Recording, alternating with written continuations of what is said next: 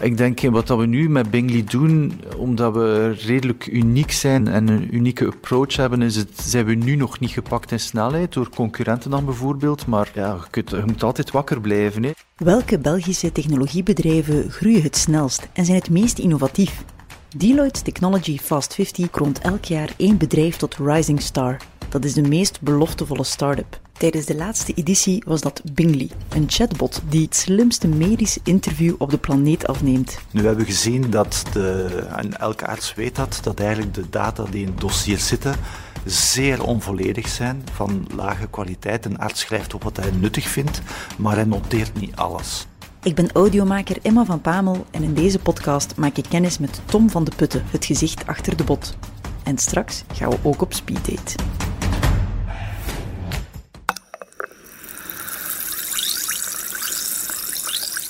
Net voor de opname van deze podcast lag ik ziek in bed. Overgeven, maagpijn, misselijk. 36,6. De buikgriep was in het land, dus mijn conclusie was snel gemaakt. Geen koorts. Maar toch was ik niet 100% zeker. Ik heb normaal gezien nooit buikgriep. Ik vroeg me af wat een dokter daarvan zou zeggen. Gemiddeld neemt een anamnese 4 à 5 minuten tijd in beslag als je het goed wilt doen. Anam wat? Anamnese is uh, eigenlijk de gezondheidsgeschiedenis bevragen door een arts tijdens de consultatie. Dus als je naar de dokter gaat en de dokter zegt wat is het probleem en je begint te vertellen, dat is eigenlijk het begin van de anamnese. En de arts stelt vragen om een beter begrip te krijgen, een beter zicht op het gezondheidsprobleem en de zorgnood. Dit is Tom van de Putten, de stichter van Bingley. Hij weet waarom een doktersbezoek soms lang kan aanvoelen. We hebben ontdekt dat de anamnese heel tijdrovend is door in ons vorige professionele leven te werken voor grote farmabedrijven wereldwijd en andere bedrijven in de gezondheidssector. Uit al die gesprekken kwam altijd de frustratie naar boven bij zowel patiënten als bij artsen over het feit hoe die consultatie verloopt. En dan heel specifiek over die anamnese. Over het feit dat de patiënt moeilijkheden heeft om to the point te komen, om accurate informatie te geven. Een typisch voorbeeld is als er gevraagd wordt naar medicatie. Weet iedereen wel dat ze een pilletje nemen dat rond is met een streepje in het midden om het te breken dat in een blauwe doos zit, maar weinig patiënten kennen de exacte naam. Ook bij de patiënten leeft frustratie de arts die niet luistert, of toch de indruk geeft om niet te luisteren, die de patiënt gemiddeld in Europa na 10 seconden onderbreekt, waardoor de patiënt de consultatie ondergaat, een hele passieve houding aanneemt. Um, dus dat is niet goed. Uh, en daar komt dan nog bij dat uh, in, in de westerse landen wordt ook verwacht dat die anamnese in een dossier komt. Dus daar komt nog extra tijdsdruk en administratieve druk bij. Dus het is belangrijk om die anamnese in de weinige tijd die er is, om die zo kwalitatief mogelijk eh, te laten doen. Tom zat met zijn collega Piet van de Steen aan tafel. Samen bedachten ze een oplossing in de vorm van een chatbot. We zijn op het idee van de chatbot gekomen door te gaan nadenken hoe verloopt een anamnese, hoe stelt de arts vragen. En dat gebeurt door op basis van de informatie die de arts verzamelt door vragen te stellen in, de, loop van de anamnese. Ondertussen formuleert de arts hypotheses. Als je bijvoorbeeld binnenkomt bij de, bij de dokter, je hebt keelpijn, die gaat hypotheses formuleren, een keelontsteking of een, een, tumor of misschien COVID. En door vragen te stellen, zal die hypotheses bevestigen en hypotheses uitsluiten. Dus die gedachtegang, dat redeneren, dat zijn wij gaan kijken, kunnen we dat vertalen in algoritmes. Dus dat betekent dat door de juiste vragen te stellen aan de patiënt, die ons algoritme berekent, kunnen we dan aan de arts een differentieel diagnose doen, dus een lijst van mogelijke aandoeningen. Vul de onderstaande informatie in om uw afspraak voor te bereiden. Voornaam Emma, achternaam van Pamel, geslacht vrouw, geboortedatum. De patiënt wil een afspraak maken bij de huisarts of bij een ziekenhuis of bij een specialist en zal uitgenodigd worden om de Bingley-vragenlijst in te vullen. Dus de patiënt krijgt een link en begint met het eh, beantwoorden van vragen die we stellen. De eerste vraag is voor iedereen dezelfde. Wat is de reden voor jouw consultatie? Een spontaan opgekomen klacht of symptoom. En op basis van dat antwoord gaan dan specifieke flows van start. Dus de reden van afspraak determineert de vragenflow die daarachter komt. Meest gepaste symptoom, maagpijn. De vragen die gesteld worden zijn altijd gestructureerd eh, en gesloten. Het zijn vragen die je kan beantwoorden met ja of nee of via multiple choice. Selecteer hieronder de plaats waar je het meeste pijn hebt. Indien relevant tonen we ook een, een, eh, ja, een menselijk lichaam waarop ja, je kan klikken waar je pijn hebt bijvoorbeeld of waar je huiduitslag hebt. Heb je nog andere klachten of symptomen? Ja. Waar heb je nog last van? overgeven. Doordat je antwoorden geeft op vragen die we stellen, gaat ons systeem in de achtergrond constant mogelijke aandoeningen berekenen, dus differentieel diagnostisch redeneren. En op basis van die redenering opnieuw vragen stellen, waarop je opnieuw antwoordt, er wordt opnieuw gerekend en zo verder.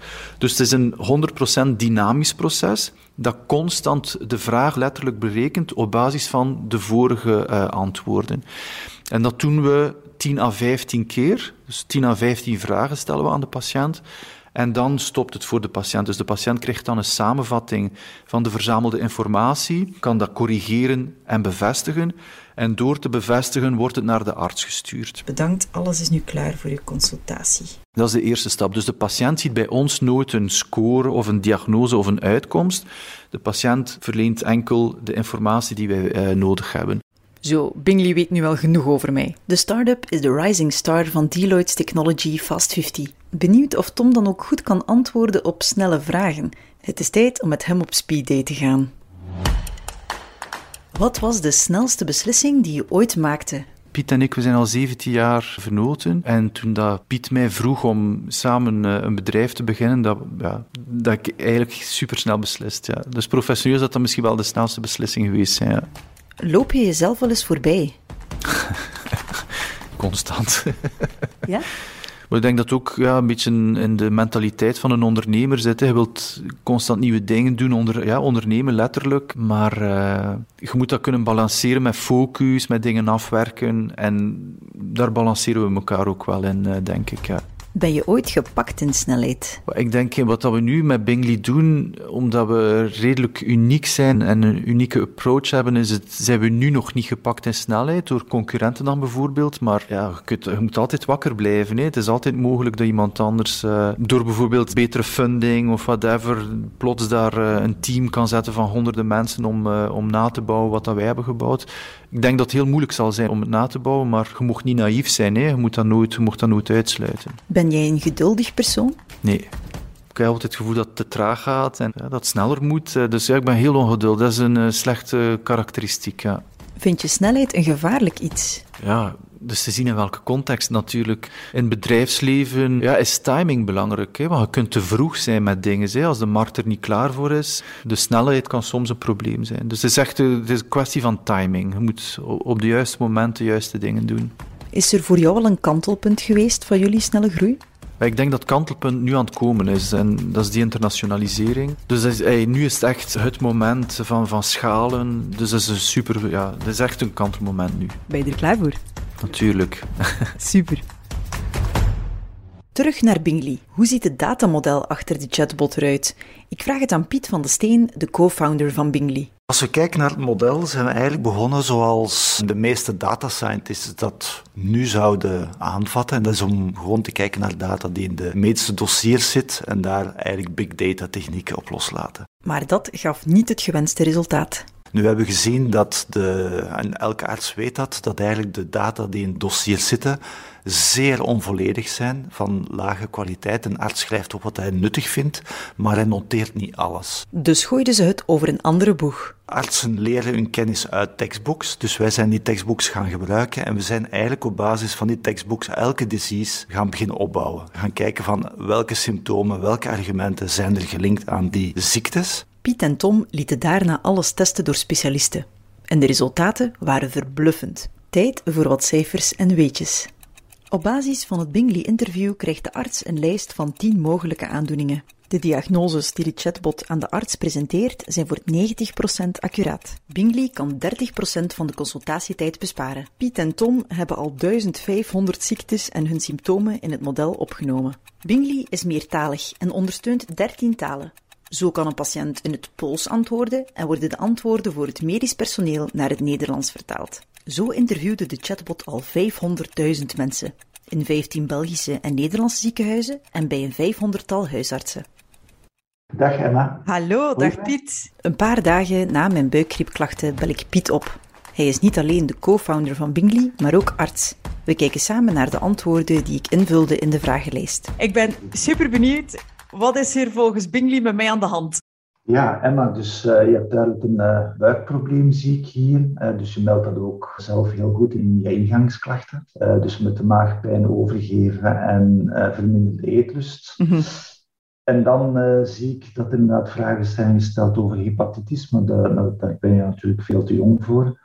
En ja, als de diagnose komt er effectief uit dat je een gastroenteritis hebt, wat dus eigenlijk een buikgriep is. Uh, die buikgriep die bij jou ja, ook een aantal uh, systemische effecten heeft, dat je je moe voelt, koortsig voelt, etc. Uh, meestal is dat viraal van aard, dus je gaat vanzelf over. En dat is blijkbaar bij jou ook gebeurd. Ja, dus klopt. laat ons ervan uitgaan dat het een virale gastroenteritis is. Oké, okay, dankjewel Piet. Bingley en jij dachten volledig hetzelfde? Er was geen twijfel mogelijk? Ja, gezien je leeftijd niet. Um, hier staan nog een aantal andere dingen in die mij kunnen helpen om naar andere dingen te kijken, maar dat zijn eerder, um, laten we zeggen, ernstige aandoeningen die ik moet uitsluiten. Zoals? Ik zie je, uh, zoals een darminvaginatie, een volvolus, een vreemd voorwerp, wat dan ook in de maag. Daar moet je allemaal aan denken, maar gezien het feit dat ik jou nu zie in de camera, ik praat met jou, weet ik dat het geen ernstige aandoening is. Dus ik moet daar ook verder niet, niet meer naar kijken. Mhm. Eh, je hebt mij de informatie gegeven dat het beter gaat.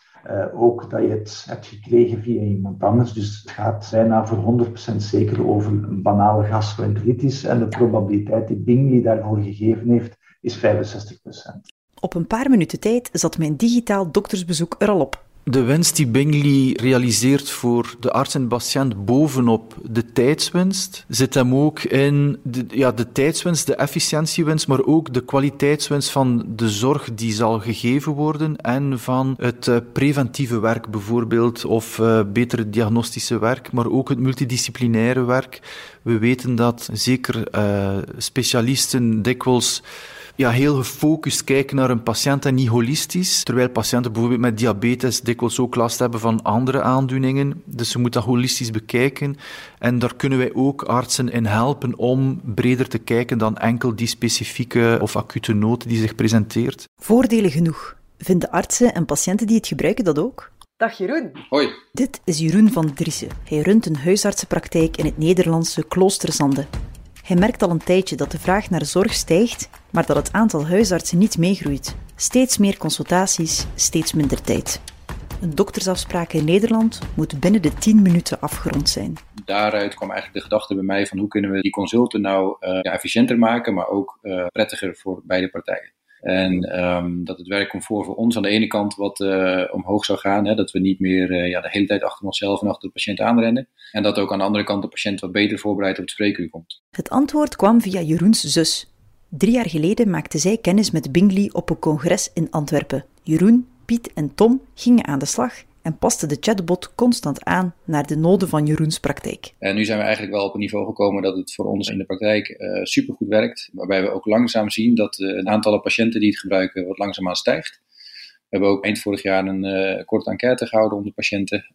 Aantal patiënten steekproefgewijs gevraagd naar hun tevredenheid. En eigenlijk hele hoge scores daarop ook behaald. Het gebruik van Bingley is vrijwillig.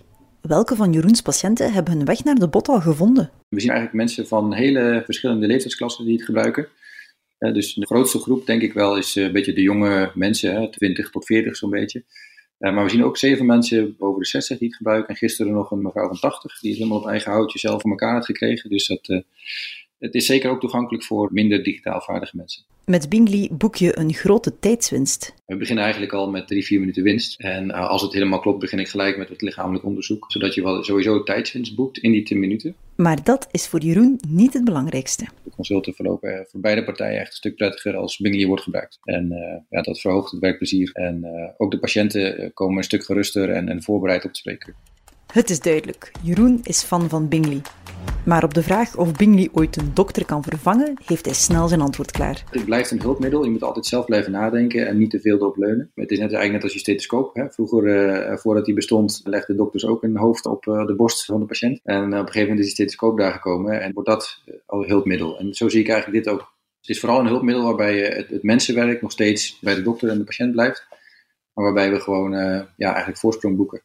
Hoe mag de toekomst van Bingly eruit zien? Onze droom is eigenlijk dat Bingly gebruikt wordt ter voorbereiding van elk dokter-patiëntengesprek en dat idealiter over de hele wereld.